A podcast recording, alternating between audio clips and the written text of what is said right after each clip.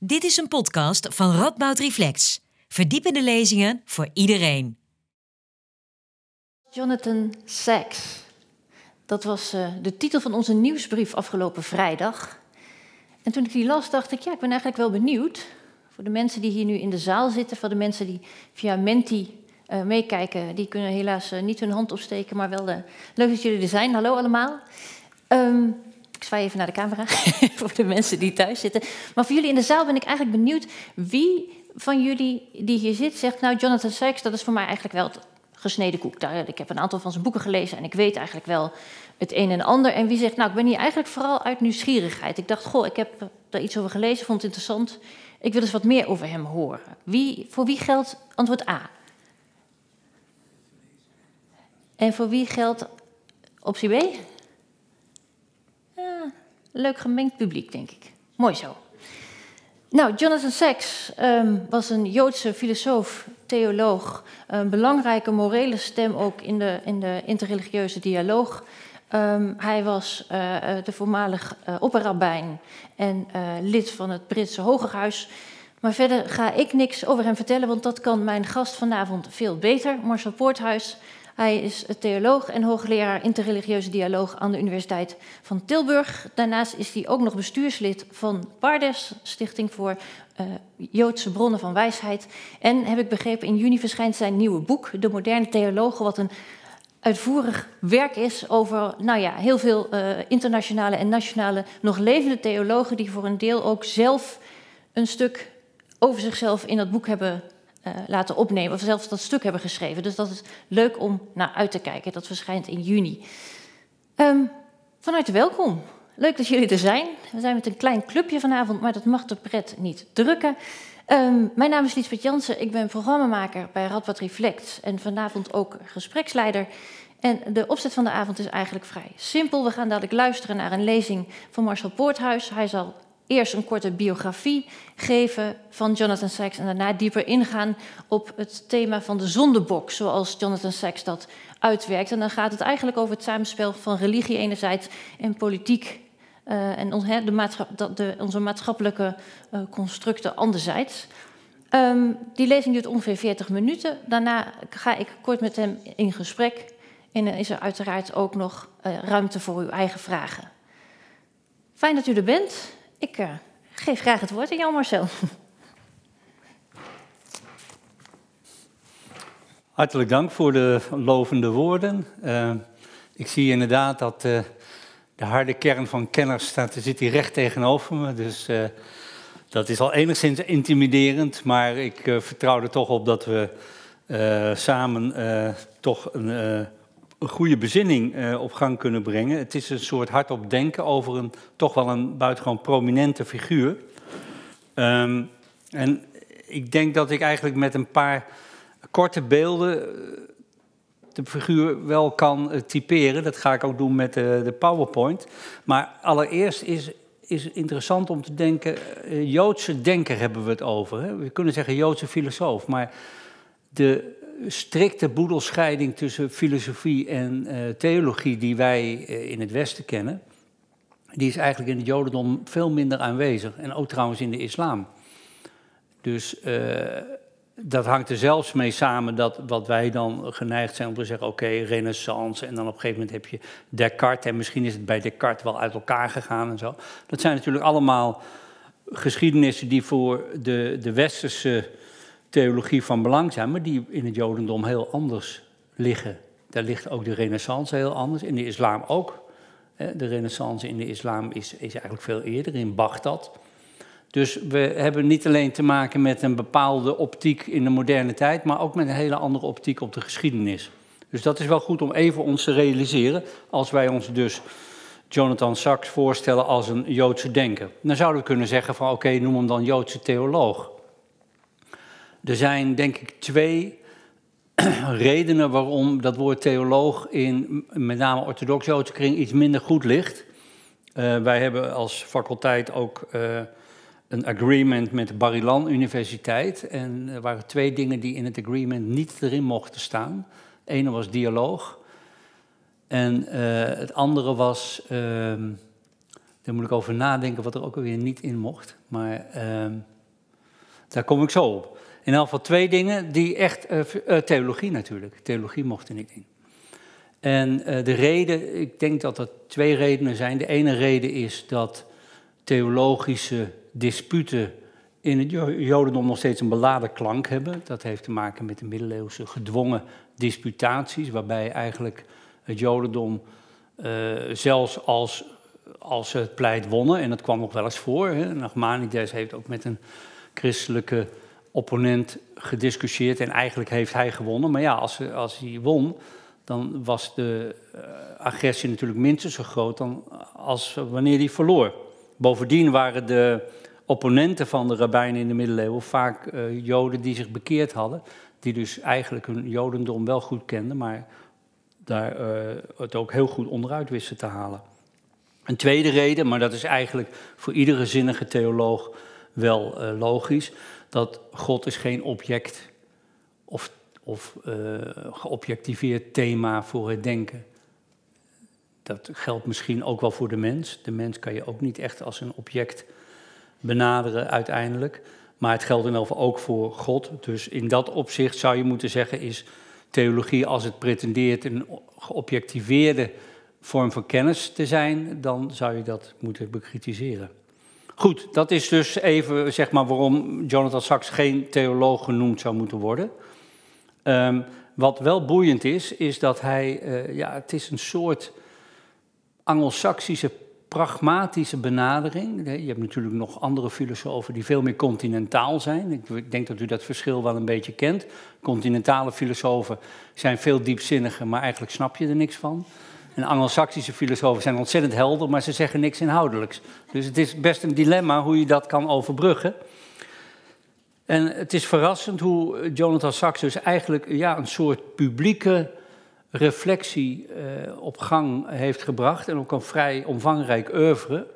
Uh, dat oeuvre bestaat uh, allereerst uit een heel aantal uh, bijbelcommentaren. Dus boek Genesis, boek Exodus, ik heb er hier een paar liggen, maar er is ook een boekentafel, dat kunt u het allemaal zien.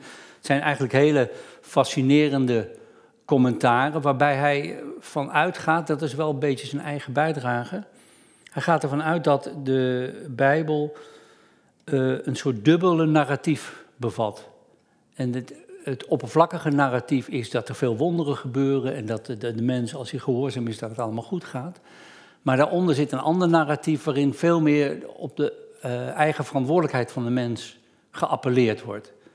Uh, denk bijvoorbeeld aan wat ik altijd een schitterend moment vind. Hè. De Israëlieten staan voor de Schelfzee. Uh, de farao komt eraan denderen. En Mozes die zegt vroom van, het zal allemaal goed komen en ik, ik, bid tot God. En op een gegeven moment krijgt hij antwoord, zegt God, waarom bid je tot mij? Zeg tegen de Israëlieten dat ze moeten optrekken. Dus ook daar zie je dat uh, de vroomheid als het ware doorbroken wordt door een appel, een radicaal appel op de eigen verantwoordelijkheid. Um, hoe kunnen we uh, Jonathan Sachs verder typeren? Um, u zult misschien denken, nou de man hè, die heeft een heel boek over betekenis van meningsverschillen en hij heeft een heel boek over uh, niet in Gods naam, dus met andere woorden tegen het fundamentalisme. Toch, als je goed bekijkt, moet je zeggen dat hij ook wel erg gebonden is door zijn rol als orthodoxe rabbijn, hè, zelfs opperrabijn van Engeland. Um, en zelfs zo dat je denkt van nou, waar, blijft nou eigenlijk die vrijheid? Uh, dat wordt eigenlijk heel duidelijk uh, in zijn houding ten opzichte van de liberale Joden. Daar uh, doet hij eigenlijk in ons perspectief heel krampachtig over. Hè? Er is op, op een gegeven moment een, een, goede kennis van hem overleden, die is liberaal Joods. Ja, dan gaat hij niet naar de begrafenis. Dus we moeten wel even de knop wat dat betreft omdraaien. Niet denken dat we hier eindeloos veel vrijheid en, en openheid vinden. De man is dus zowel een denker, maar ook een publieke figuur en een voorganger in de eigen Joodse traditie. En die rollen zijn niet altijd even makkelijk te combineren. nou, nu gaan we eens even kijken wat. Ik denk dat u dat interessant vindt. Hij noemt een paar mensen die hem hebben geïnspireerd. En eigenlijk is dat heel verrassend. Ik zal eens kijken welke plaatje ik daarbij? Oh, ik druk al op het verkeerde knopje. Maar het gaat goed. Dit is dus even uh, een van de boeken waarbij, hier zie je dus duidelijk weer die verantwoordelijkheid. Hè, dat gebroken wereld heel maken is eigenlijk zeg maar een grondgebod van het Jodendom. De tikkun olam, het herstel van de wereld. Zoals wij, wij zouden misschien zeggen als christenen van het koninkrijk van God realiseren of dichterbij brengen. Dat is het, het tikkun olam, de herstel van de wereld, is de opdracht verantwoordelijk leven in tijden van crisis. Dit boek, daar gaan we nog meer over praten, want dat is eigenlijk een heel eigenaardig boek. Die andere boeken die ik al even noemde, die zijn dus bijbelcommentaren, maar in het boek Moraal komt nauwelijks bijbel voor. Dus het is voor degene die zegt van ja, ik wil eigenlijk toch wel meer zijn maatschappelijke en politieke standpunten weten, is dat eigenlijk een enorme eye-opener. En we gaan dus ook kijken wat hij daar precies uh, mee doet. Soms heb je het gevoel dat hij uh, ja, ook wel uh, hij, hij oogt dus ook als een maatschappelijk geslaagd en geaccepteerd figuur. Wat ook wel met zich meebrengt dat hij nogal eens, zeg maar, een soort morele verontwaardiging naar voren brengt die erg midstream is. Maar goed, dat is dus uh, in dat boek Moraal hier hebben we hem zelf. Ja, ik vind zelf dat je hier heel goed kan zien dat hij een gedistingeerde Engelsman is. Door en door, every inch een Englishman. En hij is ook sir. dus we hebben hier niet met zomaar iemand te doen, maar iemand die uh, in alle opzichten ook uh, in de society zijn rol heeft gespeeld. Hij is niet lang geleden overleden. Nou zegt hij dus dat een van de twee figuren die hem hebben geïnspireerd is deze figuur. Nou moet je misschien niet te veel op het uiterlijk afgaan, maar ik vind overduidelijk dat dit een totaal andere wereld is. Dit, dit, is niet iemand die in het hogerhuis het woord gaat voeren. Dit is niet iemand die veel op tv komt enzovoort. Nou, wie is het? De Lubavitcher Rebbe, die een enorme invloed heeft in het Jodendom. Als je nagaat dat de uh, Nederlandse rabbijnen eigenlijk een oude traditie hadden van en universitaire studie en rabbijn zijn. Nou, dat is helemaal vervangen nu door uh, een soort chassidisme, wat van de Lubavitcher Rebbe is. De Lubavitcher beweging is ook zeer omstreden bij andere orthodoxen, omdat nogal wat volgelingen zin spelen op de gedachte dat deze figuur eigenlijk de Messias is. En dat, uiteraard zijn er dan andere orthodoxen die zeggen: dit is zo'n godslastering, het lijkt wel christendom. Nou goed. Maar die Lubavitcher Rebbe heeft dus tegen hem gezegd: van, jij moet de wereld ingaan. Jij moet je niet opsluiten in een ivoren toren als een academicus. Jij moet de wereld ingaan en de boodschap verkondigen. Nou is het zo dat de Lubavitcher, uh, die heeft ook wel een boodschap voor niet-Joden. Dat is dan de Noachitische geboden, waar, waar uh, daar een soort humaniserende werking van zou uitgaan. Maar feitelijk moet je zeggen, is die hele Lubavitcher beweging ongelooflijk binnenjoods. Men zoekt Joden die in hun termen afgedwaald zijn of die niks van weten. En ze beginnen met tefiline, met gebedsriemen aan te leggen. En eigenlijk op het moment dat die gebedsriemen omzitten, dan is er al een eerste band met het Jodendom. En ze proberen dat steeds meer uit te bouwen met succes. Dan moet ik zeggen dat er zijn nogal wat films waarin de afschuwelijkheden van het Chassidisme breed worden uitgemeten. Denk aan Orthodox of, uh, enzovoort, die films. Uh, mag waar zijn. Misschien heeft, heeft uh, het Chassidisme of uh, wel sectarische trekken. Maar dat neemt niet weg dat het nog steeds groeit. En kennelijk zijn er heel wat drop-outs in Amerika, dus van Joodse huizen, die opeens de, de leegte van de moderne samenleving ontdekken en zich helemaal identificeren met de Chassidim in Israël en in Verenigde Staten. Overigens is hij nooit in Israël geweest. Dat heeft ermee te maken dat zijn messiaanse aura zo sterk is dat als hij naar Israël zou gaan, zou onmiddellijk de messiaanse tijd of aanbreken of een catastrofe zou het gevolg zijn. Dus hij kon niet dit is dus de Lubavitcher Rebbe. En uh, als u de kans krijgt, moet u maar eens op, op YouTube een filmpje, je weet niet wat je ziet. Hier is een foto ervan. Dit is dus een soort, uh, ja, zeg maar bijeenkomst. U zult geen vrouw aantreffen. Uh, en uh, het idee is eigenlijk dat hoe voller, hoe beter. En dan ook, er wordt ook wat snaps gedronken en het wordt ook steeds extatischer en vrolijker. En op een gegeven moment zie je ook dat de volgelingen van de Rebbe proberen een, een druif van zijn druiventos te pakken als, als het ware een sacrament.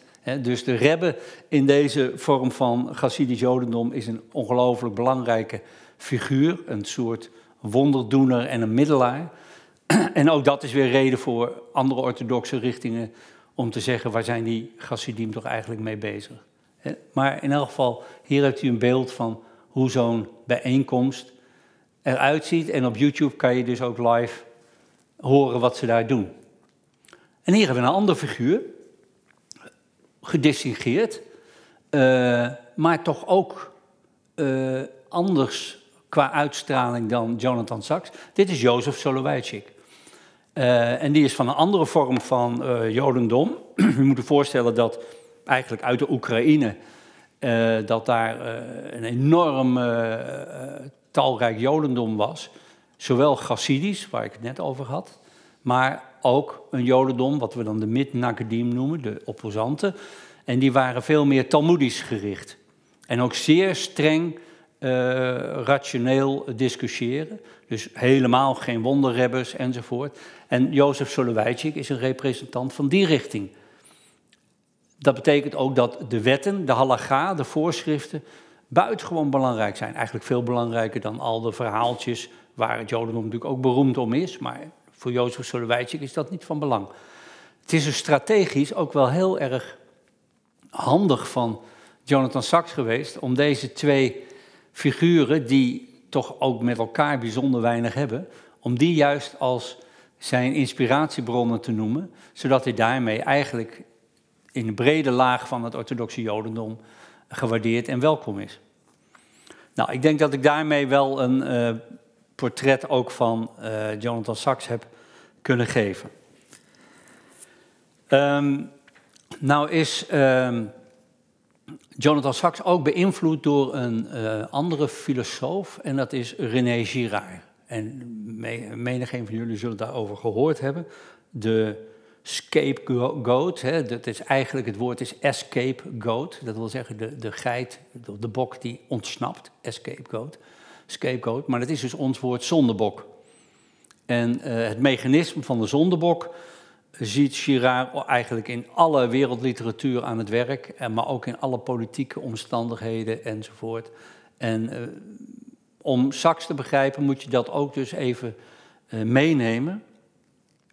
Laten we kijken hoe dat in zijn werk gaat. Hij, hij ziet het bijvoorbeeld, bijbels gesproken, ziet hij het bij Jacob en Esau. Jacob en Esau, ik hoop dat u de naam in elk geval kent, uh, zijn dus uh, broers. En juist hoe dichterbij uh, mensen bij elkaar zijn, hoe meer kans er is op rivaliteit. En die rivaliteit, die wordt opgewekt door de mimesis. Mimesis is de nabootsing. En Jonathan Sachs is ervan overtuigd dat de mens sterke neiging heeft tot nabootsing. Dan zou je zeggen van, god, dat is eh, helemaal niet autonoom. En we leven toch juist in een tijd dat we zijn autonoom en we nemen zelf hun beslissingen. Maar we leven in een rare tijd. We hebben bijvoorbeeld influencers. Dat past eigenlijk helemaal niet bij dat zelfbewuste autonome individu.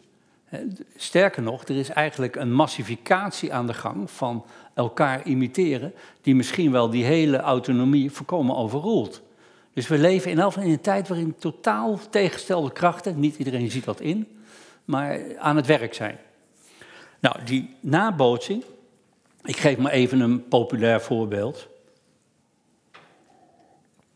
We hebben een paar jaar geleden het gedoe gehad met de bonussen. Die bonussen, die zouden niet werken als, stel even een fictief voorbeeld, want het is niet zo, maar stel ik verdien een ton. En uh, ik krijg er 25.000 bij. Dat heet dan een bonus, maar zo werkt het niet. Het werkt pas als het bekend wordt dat ik die 25.000 erbij krijg. En mijn collega heeft het niet. Mijn collega was even tevoren nog gelukkig.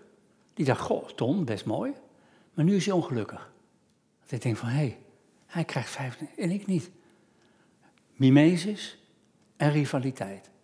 Je gaat dus je eigen identiteit, ga je heel sterk ontlenen aan wat je bij die ander ziet. En wat jij belangrijk vindt, je begeerte, om het maar eh, het krachtige woord te gebruiken, je begeerte wordt opgewekt door wat je bij de ander ziet. Er zijn heel veel voorbeelden van, en misschien is het ook wel onvermijdelijk dat het bestaat, maar laten we bijvoorbeeld hebben over de mode. Het is natuurlijk niet zo dat de mode elk jaar een kleur introduceert die beter is dan de ander. Of die mooier is. Maar wij kijken naar de mensen die wij heel belangrijk vinden, de toonaangevende figuren. En als die het aan hebben, dan zeggen we, oh, wacht even, nou moet ik het ook. Dus dat is allemaal mimesis. En de hele economie zit natuurlijk boordevol mimesis. En een van de meest opvallende en, en uh, ingrijpende uh, overtuigingen is dat schaarste uh, niet komt doordat het te weinig is, maar schaarste komt door de mimesis. Er is geen schaarste behalve door die mimesis, waardoor ik precies wil wat die ander heeft. Nou goed, dus die bonussen, die werken eigenlijk pas en die werken ook de rivaliteit op. En eh, we weten dat in de bankencrisis dat bijzonder slecht heeft uitgepakt. Maar het werkt pas als ik het weet. En als ik dus het gevoel heb, niet van iemand aan de andere kant van de aardbol krijgt er wat bij, maar iemand die mijn naaste is. Mijn broeder haast. Nou, wat is nou het aardige van deze schilderij? U ziet Jacob, maar hij heeft van die dikke handschoenen aan. Jacob wilde Esau zijn. Hij heeft dus die, het zijn eigenlijk geitenvelletjes, maar die heeft hij aangedaan, want hij was zelf een, een beetje een moederskindje, een gladde vent, babyface enzovoort. En Esau was een hele ruige, behaarde figuur, maar hij wilde dus wel de vaderlijke zegen ontstelen. En uh, heeft dus op aanraden van uh, zijn moeder, die ook uh, in beeld is, daartussenin, heeft gezegd, doe nou die geitenvelletjes om je armen, zodat de blinde vader, Isaac, dat hij toch... En Isaac zegt dan, en dat is wel even schrikken, ik hoor de stem van Jacob. Maar het zijn de armen van Esau. Dus het was bijna niet gelukt. Maar wat natuurlijk voor uh, de mimetische theorie buitengewoon belangrijk is, is Jacob heeft geen eigen identiteit. Jacob wil Esau zijn, hij wil zijn broer zijn.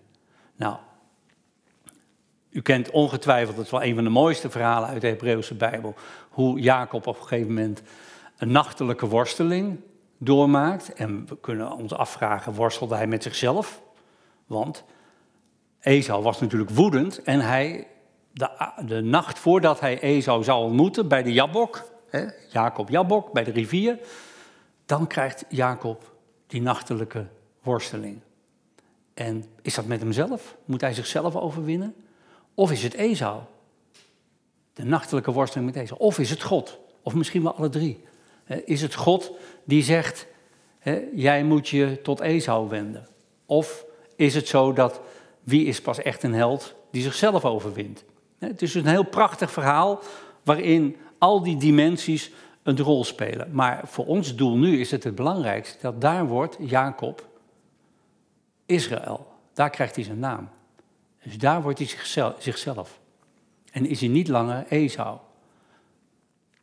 Nou, u zou het verhaal uh, zelf moeten lezen wat daar dan gebeurt. Het is eigenlijk een schitterend ja, oud-Oosters verhaal ook. Uh, wat gebeurt er namelijk? Esau, die is de vriendelijkheid zelf. Terwijl Jacob zegt, oh jongens, wat gaat er gebeuren? En Esau komt met heel, heel veel mensen, want hij heeft heel veel mensen op de been. En uh, Jacob zegt, oh, wat, wat, dus Jacob zegt, goede vriend, wat, wat, fijn dat we elkaar treffen en dit en dat en zo. En uh, Esau zegt, nou, heel bijzonder, weet je wat, ik ga vast vooruit, maar ik laat een paar honderd mensen hier achter. Nee, nee, zegt Jacob, doe dat nou maar niet, helemaal niet nodig. Want die denkt, een paar honderd mensen van Esau, dat is veel te gevaarlijk. En op een gegeven moment op het eind, dan, wat Jacob zegt van, ik heb tegen Esau opgezien als, als tegen God zelf. dus hij heeft heel goed beseft dat wil hij vergeving krijgen, dan moet hij naar Esau gaan. Uh, en het einde, dat, niet veel mensen hebben dat uh, opgemerkt, maar het is toch wel weer interessant. Dat uh, Jacob zegt dan, Esau, weet je wat, ga jij vast vooruit? En dan kom ik erachteraan. En dan eindigt het verhaal, daar in de Bijbel, dat Esau ging naar, ging rechtdoor. En Jacob ging naar Sukkot, rechtsaf. Dus Jacob denkt van, ik ga toch nog maar niet direct naar Esau toe, waar hij Esau is. Ik sla even rechtsaf. En hoe het verder gegaan is, weten we niet. Maar je ziet dus dat Jacob uh, heel goed beseft dat verzoening, dat het niet een eenmalige actie is die snel gebeurt, maar dat het een, een werkwoord is waar je heel veel tijd voor moet nemen en die niet in, eh, in, één, uh, in één beweging gerealiseerd is. Het gaat dus hier om een bedachtzame verzoening. Uh, dat die begeerte die er dan ontstaat bij wat je bij de ander ziet en wat dus ook bij Jacob uh, ontstaat, wat hij bij Esau ziet, die wordt opgeheven volgens uh, Jonathan Sachs in een wel briljante uitleg van wat in de Hebreeuwse tekst staat. Hij beweert namelijk, en dat zullen niet veel mensen met hem weten, hij beweert namelijk dat uh, Jacob de, zeg, de vaderlijke zegen teruggeeft aan Esau. Dat is ongehoord, want iedereen denkt van Jacob is toch de uitverkorene die het allemaal meeneemt. Maar er staat dus, hij geeft een geschenk. En dat woord geschenk wordt dan zo omschreven dat Jonathan Sachs zegt, eigenlijk is dat de zegen die hij ontvangen heeft en die hij teruggeeft. Dus dat is een hele indrukwekkende uh, worsteling. Um, waarbij dan op een gegeven moment ook eh, Jonathan Sachs vraagt van wat typeert nou deze twee figuren? Um, Esau is impulsief. Esau is niet de slechte, wat ook wel eens gedacht is. Nee, maar Esau is impulsief en Jacob is strategisch en bedachtzaam. Nou, nou ziet uh, Sachs diezelfde tweedeling ook uh, bij het ritueel van Grote Verzoendag. Want de zondebok, daar hebben we het wel over, maar er zijn twee bokken. En één bok wordt geofferd en de andere bok gaat de woestijn in beladen met de zonden van het volk. Dus Jonathan Sachs probeert dan ook uh, uh, een betekenis te geven aan, die, uh, aan dat ritueel, wat misschien ook wel een heel magisch ritueel is. En dan wordt er gezegd, oké, die zondebok die gaat de woestijn in naar Azazel. We weten niet eens wat dat betekent. Is dat een demon? Of is dat een rotsachtige plek? Of is dat dan zal hij weggestuurd worden of zoiets. We weten het niet precies. Dus het is eigenlijk een, een heel duister ritueel. Maar we hebben daar wel het hele woord zondebok aan te danken. En dan uh, moeten we kijken hoe uh, Jonathan Sachs de moderniteit ingaat. En hij zegt, kijk, dit hele proces van die zondebok in de moderne tijd is een omkering van wat er in Leviticus, in het boek Leviticus gebeurt. En de omkering is dat in het boek Leviticus is op een of andere manier het mensenoffer getransformeerd tot een dierenoffer. Wat ook al het geval was met Abraham uh, die zijn zoon moest offeren. dat is ook een substitutie door een dier. Ik weet wel dat de Partij voor de Dieren daar geen genoegen mee zou nemen. Maar goed, het is dus toch een kanalisering van het geweld. Want dat is de, het hele idee, dat die mimesis ook geweld voortbrengt. En dat men dus zoekt naar een oplossing voor het geweld. Maar de zondebok in de moderne eh, betekenis, maar ook in de oude betekenis, maar niet in de Leviticus, is juist dat er een buitenstaander, maar een mens, wordt aangewezen als de zondebok. En door het projecteren op die mens en ook door hem te doden, wordt het geweld van de samenleving gekanaliseerd. Dus in feite gebruiken wij tegenwoordig het woord zondebok niet in de betekenis van Leviticus, waar feitelijk die transformatie van mens naar dier al heeft plaatsgevonden, maar de mens zelf wordt daar weer uh, de zondebok. Uh, u zult zeggen, hoe is dat proces van de zondebok aanwijzen, hoe is dat eigenlijk te bestrijden? Hoe kunnen we daar aan ontkomen? Want het is natuurlijk een fataal iets om bij spanningen in de samenleving naar zondebokken te zoeken. Wel nu, René Girard is daar eh, vrij uitgesproken over. Die zegt dat kan alleen als iemand vrijwillig de plaats van de zondebok inneemt. Want daarmee laat hij wel het geweld, het verborgen geweld van de samenleving zien. Maar tegelijkertijd protesteert hij tegen het onvrijwillig aanwijzen van zondebokken. En natuurlijk weten we dat voor Girard uh, Christus dat gedaan heeft. Maar uh, Jonathan Sachs kan natuurlijk met die laatste visie niet meegaan. En die zegt datzelfde idee van uh, vrijwillig je solidariseren met de buitenstaander en met de zondebok, dat zien we ook al in de Hebreeuwse Bijbel. En dan komen we bij een tweede uh, begrip van uh, Jonathan Sachs. Eigenlijk heel origineel. Jonathan Sachs zegt: egoïsme is niet het, het essentiële probleem voor de moderne, moderne tijd. Het is niet zo dat er een naaste liefde tegenover egoïsme staat. Het is veel ingewikkelder en het heeft ook met fundamentalisme te maken. Hij zegt, er zijn geen mensen die zo altruïstisch zijn als fundamentalisten. Fundamentalisten zijn de uitstek mensen die ongelooflijk verbonden zijn met hun eigen groep. dus dat noemt hij het groepsaltruïsme. En de, in zekere zin zou je het fundamentalisme als een zuiverheidsbeweging moeten zien. Een beweging waarbij alles wat niet aan die zuiverheid beantwoord wordt uitgestoten. Wat zijn de grootste vijanden van de fundamentalisten? Dat zijn niet de, zeg maar de, de heidenen, maar dat zijn de medegelovigen die niet die radicaliteit opbrengen die de fundamentalist opbrengt. Dus het is goed om te weten dat uh, het moslimfundamentalisme, dat de meeste slachtoffers van het moslimfundamentalisme moslims zijn. En dat klopt dus in deze analyse, want die zuiverheidsbeweging wil dus ook al het, alles wat niet aan die zuiverheid uh, en aan het groepsaltruïsme beantwoordt, radicaal uitstoten. Dus groepsaltruïsme en fundamentalisme creëert hele scherpe zondebokken. Dus dat is een belangrijk uh, onderwerp bij uh, Sachs, het groepsaltruïsme, dat hij dan verbindt met de gedachte van de zondebok. En wat ook origineel is, dat Sachs dan niet zegt van, nou ja, kijk, hè, dat zijn dingen die gebeuren in de samenleving, maar de religie lost het op. Hij zegt, nee, dit is een heel groot gevaar voor elke religie.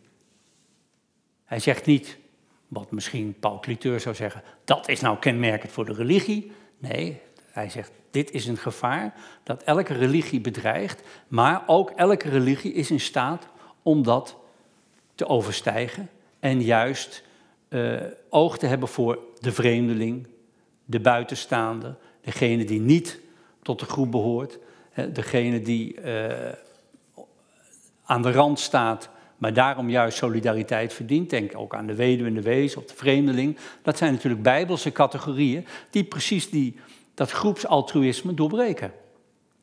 En we zien ook in het Nieuwe Testament dat, uh, zij het wat schoorvoetend, dat juist ook de niet-Joden in beeld komen bij Jezus als ontvangers van uh, de boodschap. We weten dat Jezus niet onmiddellijk zei van laten we de niet-Joden erbij halen. In eh, bepaalde teksten zegt hij van ga maar niet naar de heidenen en ga maar niet naar de Samaritanen.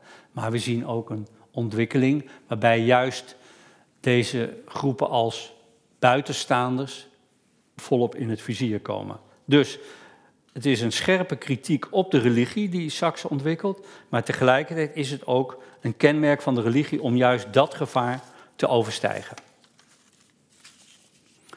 Nou kom ik met een uh, uitermate delicaat punt. En ik weet niet of u het eh, interview eh, in Nederlands Dagblad gelezen hebt, maar ik had de indruk dat de redactie ook dat punt er eigenlijk wel liever uit wilde halen, maar het is er toch ingebleven. Dat is namelijk het volgende. Sachs claimt dat er een gehechtheid kan bestaan aan slachtofferschap. En dat uh, er zelfs een weigering kan zijn om dat slachtofferschap achter je te laten. En kunnen natuurlijk aan allerlei voorbeelden denken. Uh, laten we bijvoorbeeld zeggen de discussie over slavernij.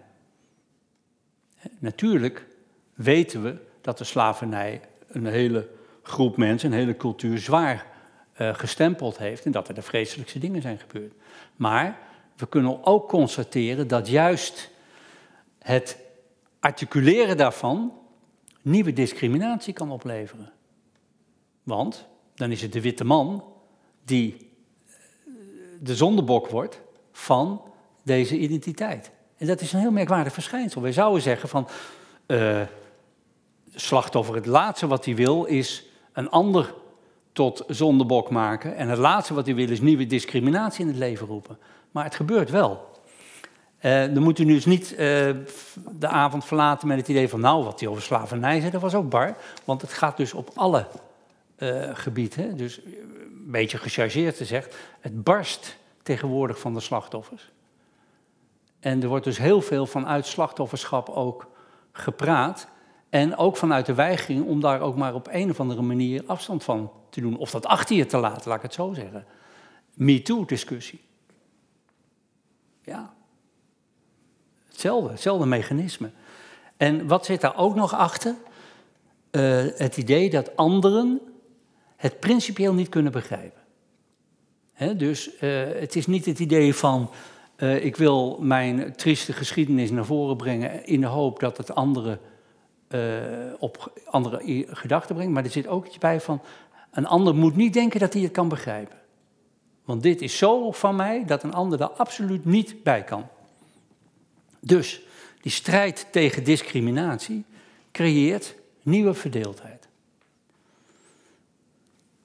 Ik ken het zelf, verschijnsel zelf niet, maar Jonathan Sachs noemt het voorbeeld safe spaces.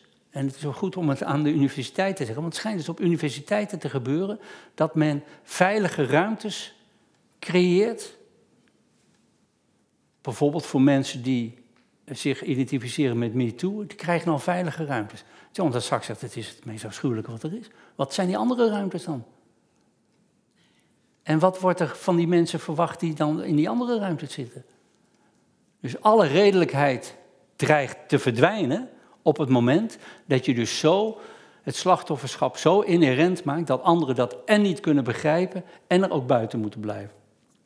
Dus ik, ik zei al, het is een delicate kwestie. Ik zal uh, even een citaat uit dat boek Moraal, want daar staat het onder andere in. Hij citeert hier trouwens weer een andere Joodse denker. De leden van onderdrukte groepen worden aangemoedigd, volgens mij op grond van denkfouten, om te geloven dat zij meer dan wie ook gekwetst zijn door respectloosheid van de dominante ander.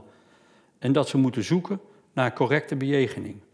Een permanente staat van argwaan over de vernederende of boosaardige dingen die ieder moment kunnen worden gezegd of gedaan, is zelfdestructief. Het leidt tot een heilloze politiek of tot woede en wrok. En dat, is dus, uh, dat was Michael Walzer. Maar dat is dus wat Jonathan Sachs ook zegt.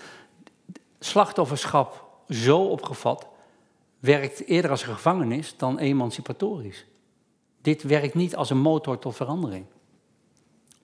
Dus we hebben hier een, ja, een behoorlijk uh, uh, lastige en, en, delicate kwestie. Uh, waarbij dus eigenlijk het netto resultaat, wrok en, om met Nietzsche te spreken, ressentiment feitelijk de toon aangeeft. Nou moet ik zeggen, um, dat Sachs één ding niet zegt, en dat verbaast me aan de ene kant wel, aan de andere kant niet, maar ik kan het ook aan u overlaten.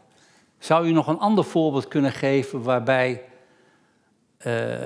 het claimen van slachtofferschap uh, negatief uitwerkt? Of eigenlijk uh, een gesprek of kritiek onmogelijk maakt? Ja? Ja, hoezo? hoezo? Wat, uh... Nou, het, het, ik kan me voorstellen dat het zo'n beladen thema is dat uh, het niet toegelaten wordt dat je kritiek zou hebben op welk uh, doen of laten van de staat Israël dan ook, zonder beticht te worden van antisemitisme met een beroep op dat gruwelijke verleden. En daar ook trouwens de volledige het verleden is er natuurlijk ook geweest. Dus dat is ook zo. Maar ik ben het helemaal met u eens. Ik zou dus zelf zeggen, eh, kritiek op de politiek, politieke beslissingen van, concreet van bijvoorbeeld iemand als Netanyahu, uh, daar is kritiek moet altijd mogelijk zijn. Maar tegelijkertijd zie je dat het antisemitisme wel heel snel als uh, kaart wordt getrokken. Hè, en dus eigenlijk de discussie onmogelijk maakt. Het is precies ook wat ik zelf dacht.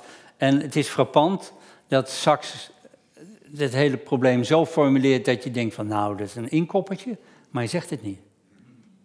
Ik denk ook dat hij het gevoel heeft van ik kan dit niet zeggen als rabbijn in mijn eigen uh, gemeente en, en uh, met mensen die natuurlijk nog steeds getekend zijn door uh, de Tweede Wereldoorlog en in, in, hun eigen familie enzovoort. Maar het is evident dat dit wel een rol speelt.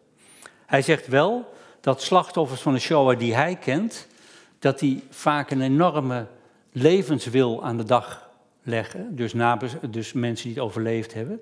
En een enorme krachtige wil om de zaken te veranderen, dus emancipatorisch. En zich beslist niet in het slachtofferschap willen laten opsluiten. Dus dat is wel, daar zegt hij wel iets over.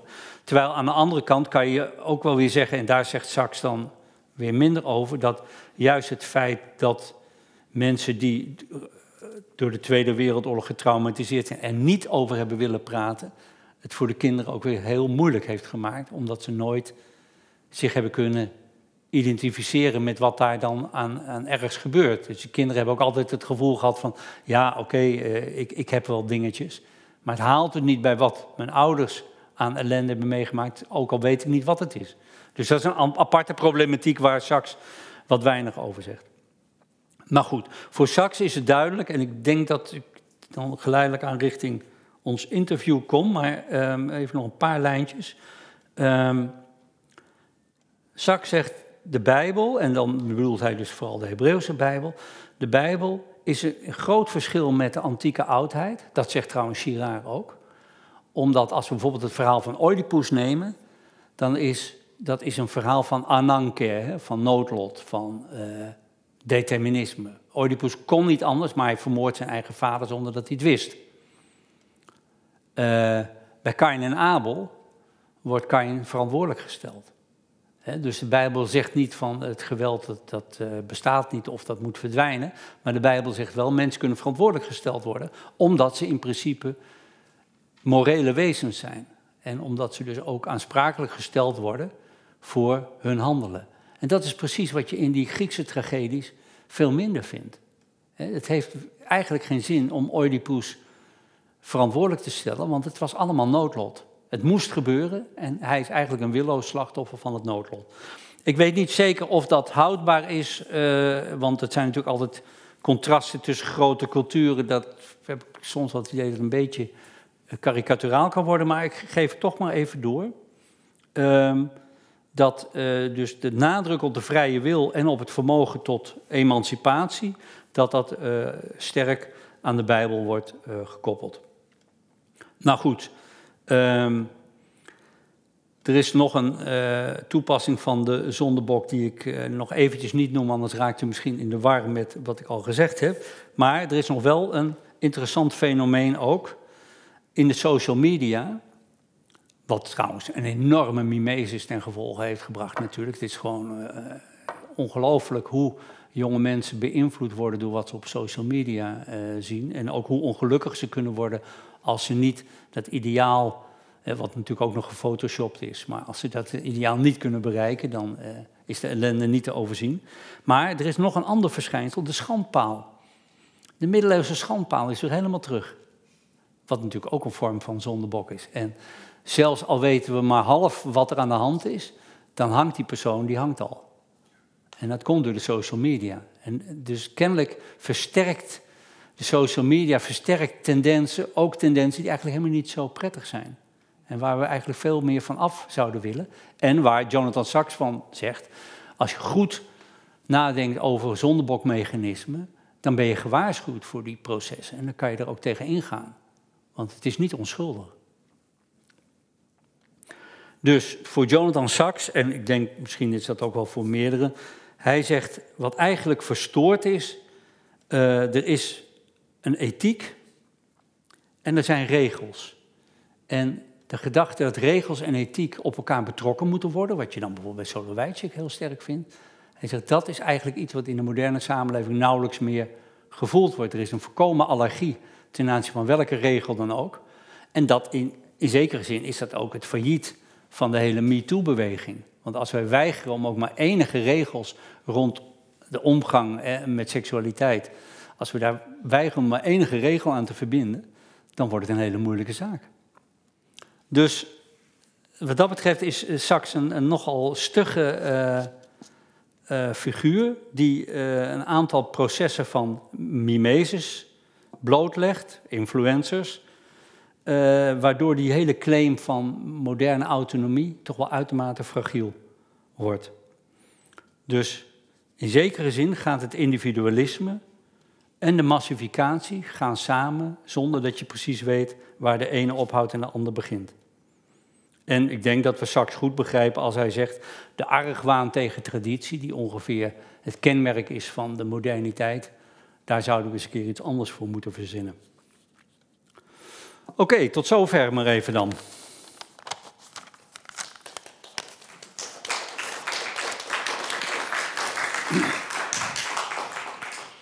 Even te kijken of ik mijn plaatjes wel helemaal. Nee, je hebt nog heel veel slides, geloof ik. Ah, maar, maar, dit is mooi, hè? Dit is dus uh, Jacob die zich deemoedig voor Esau buigt. En hier hebben we de scapegoat.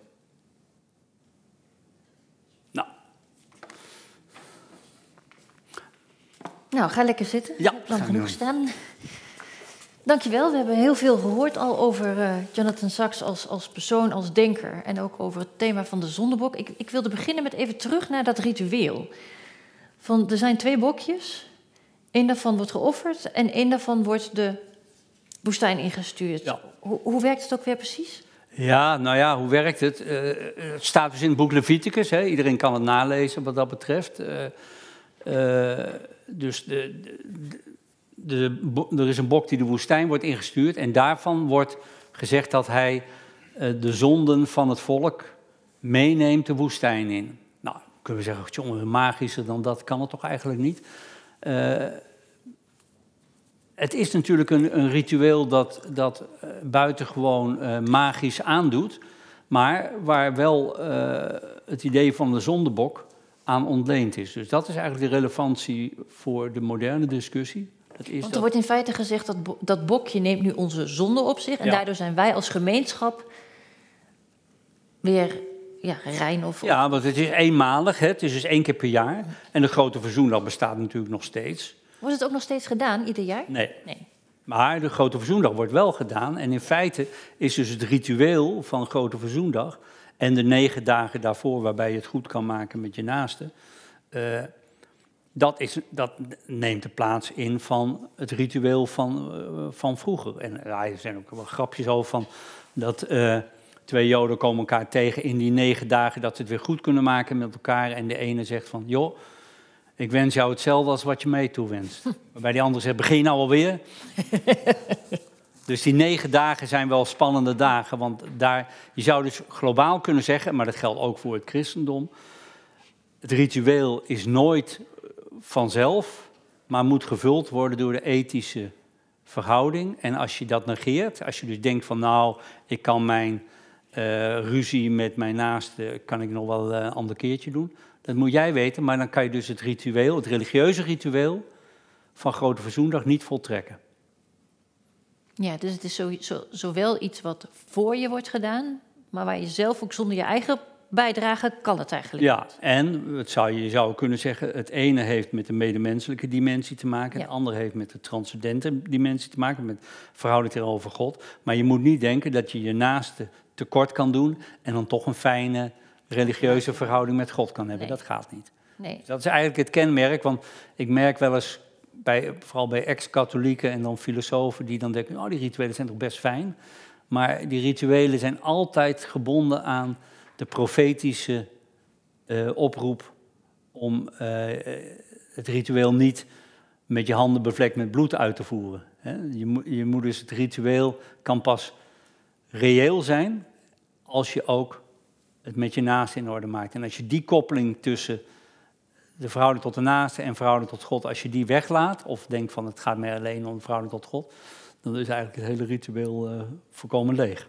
Ja, en als ik me niet vergis, dan is een van de andere kenmerken is dat je zeg maar, door een, een dier, een geit in dit geval, als, als, inderdaad als zondebok aan te wijzen, daarmee zeg je uh, niet alleen. Uh, het is niet dus in vergelijking met de manier waarop wij zondebok gebruiken, dan zijn zij de schuldigen. Ja. Maar bij die zondebok is juist, zijn, beleid je eigenlijk je eigen schuld. Ja, precies. En, uh, en, en je doet er tegelijkertijd ook afstand van dus je probeert het daarmee ook, door het ritueel, probeer je er ook afstand van te doen. En Sax, die heeft ook wel moeite met om het helemaal uit te leggen, maar hij zegt, ja, dit is zo'n radicale vorm van afstand doen, dat je er ook een heel krachtig ritueel voor nodig hebt.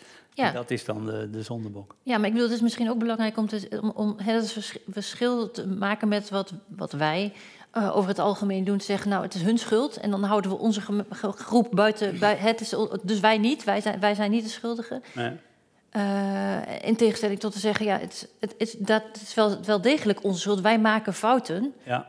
Um, en die kun je door, door een bepaald ritueel. Uh, kun je daarvan afkomen? Ja, ja, ja dat is ook zo. Uh, Saks ziet ook nog wel, uh, hij probeert ook wel bepaalde tweedelingen, omdat het dus om twee bokken gaat, probeert hij dat ook erin te lezen.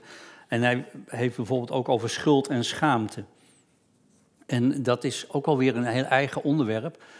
Um, wij zouden misschien geneigd zijn om te zeggen, nou ja, schaamte, daar moet je van afkomen. Zak zegt dat eigenlijk ook een beetje. Maar ik denk dat dat nou juist niet kan. Ik denk dat schaamte iets is wat mij het mens zijn gegeven is. Het is een vorm van in je hemd staan of naakt zijn, dat niet met schuld te maken heeft. Mhm. Schaamte en schuld moet je echt onderscheiden. Ik geef een heel klein voorbeeld. Stel, een jongetje in de klas schrijft een liefdesbriefje en hij probeert dat naar dat meisje te sturen. De leraar onderschept het en gaat het voorlezen in de klas. Ja. Is de jongen nou schuldig? Helemaal niet. Maar hij staat wel in zijn hemd, bij wijze van spreken. En waarom moeten we daarvan af, van Saks? Nou, Saks denkt dus dat het ritueel van die twee bokken te maken heeft met uh, één uh, schuld en de ander schaamte. En ik vraag me af of dat helemaal klopt, of je niet moet uh, zeggen dat schaamte, dat het eigenlijk een, ja, een essentieel iets van het mens zijn is. Ik, zo lees ik ook het verhaal van Adam en Eva feitelijk. Hè? Dat zij ontdekten dat ze naakt waren. Ze waren ervoor ook naakt. Maar er zit ook een soort element van menswording in het hele paradijsverhaal. Dat je zou haast kunnen zeggen dat toen ze in het paradijs waren, waren ze niet helemaal volwassen. Was het toch een beetje een wat naïeve uh, situatie. En door het hele gebeuren is er ook een element van uh, ja, menswording. En ook bijvoorbeeld kleding. Nou ja, dat zie je ook in Gilgamesh-epos. Dat, ehm, die Enkidu is een, natuurmens en die heeft allemaal een vacht met lange haren enzovoort. Maar op een gegeven moment ontmoet hij dan een vrouw. En uh, door die ontmoeting met die vrouw en het seksuele contact wat hij heeft, vallen zijn haren uit. En dan wil hij weer terug naar de dieren, want hij is een natuurmens en hij wil bij de dieren leven. En de dieren zijn allemaal bang voor hem geworden. Dus er zit ook het element in van de breuk tussen het natuurlijke bestaan wat de mens misschien zou willen, maar wat hij niet meer kan, omdat hij feitelijk naakt en mens is en dat er een afstand is gekomen tot de dierenwereld. Wat ik me ook afvroeg, het ligt een beetje in het verlengde hiervan, is, we doen dit voor, voor een gemeenschap, de, de, de groep. Um, en daar is misschien in het Jodendom nogal sterker sprake van dan of dat ik nu. Ik zit te denken van hoe kunnen we dit nu vertalen naar, naar onze eigen cultuur en naar onze, naar onze eigen samenleving? Hoe kunnen we nou op een gezonde manier omgaan met inderdaad gevoelens van, van jaloezie en mimesis en, en, enzovoort? Eh, kan dat nog wel? Is er nog wel een groep?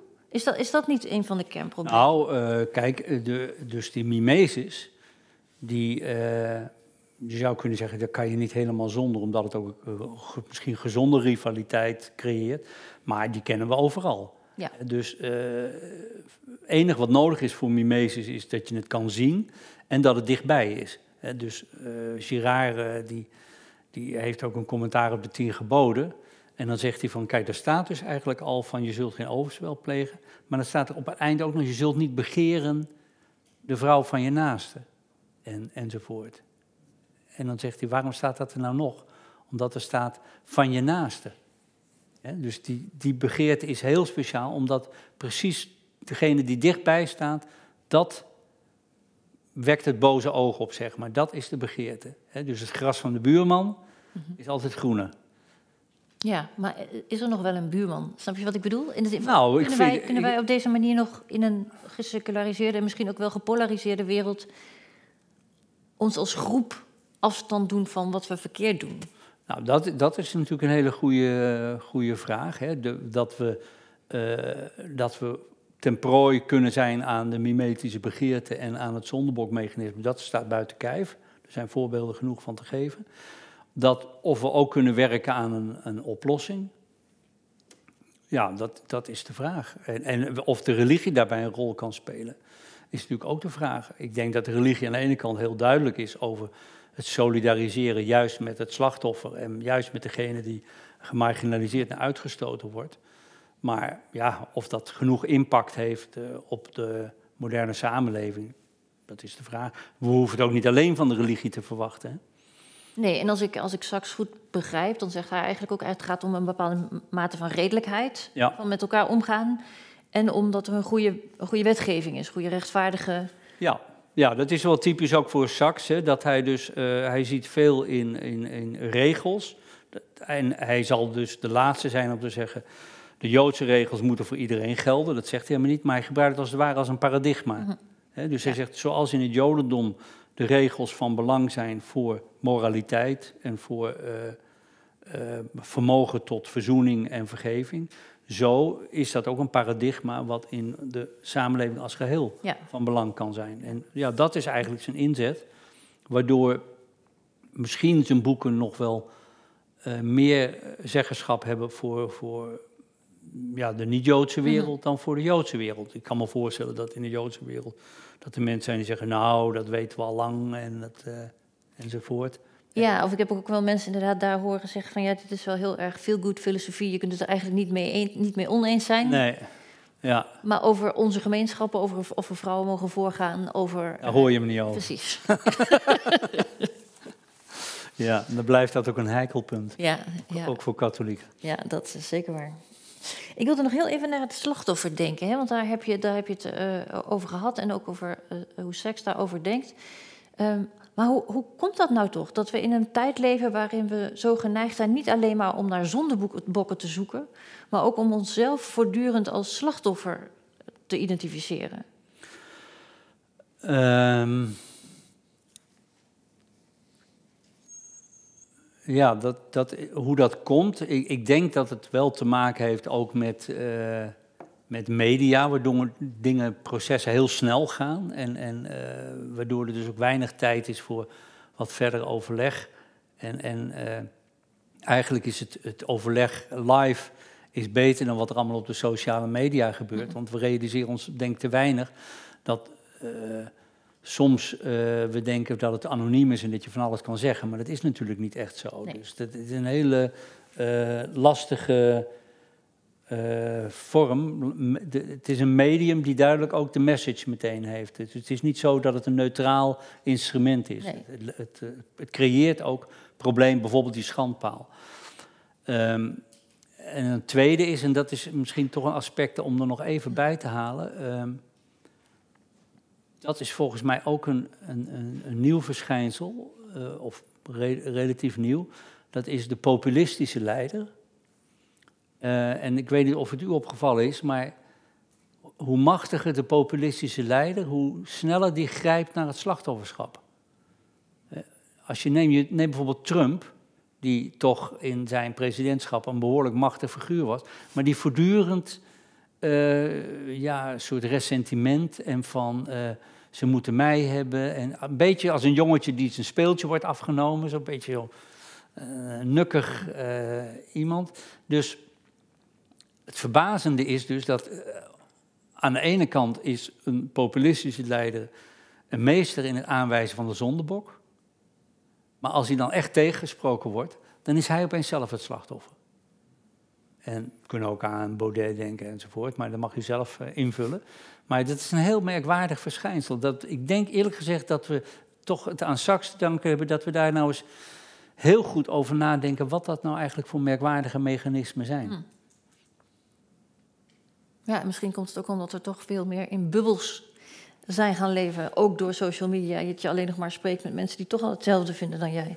Ja, ja, ja ik, ik denk, kijk, ik, ik zou niet geneigd zijn om social media de schuld te geven, want hier moet je natuurlijk ook kijken hoe kun je als mens daar op een verantwoorde manier uh, mee omgaan. Maar ik denk dat we wel veel grondiger moeten doordenken welke processen daar uh, een rol spelen. En uh, ja, bijvoorbeeld het laatste wat ik nou noemde, dat is juist de machtigste figuren het meest gebruik maken ook van ressentiment.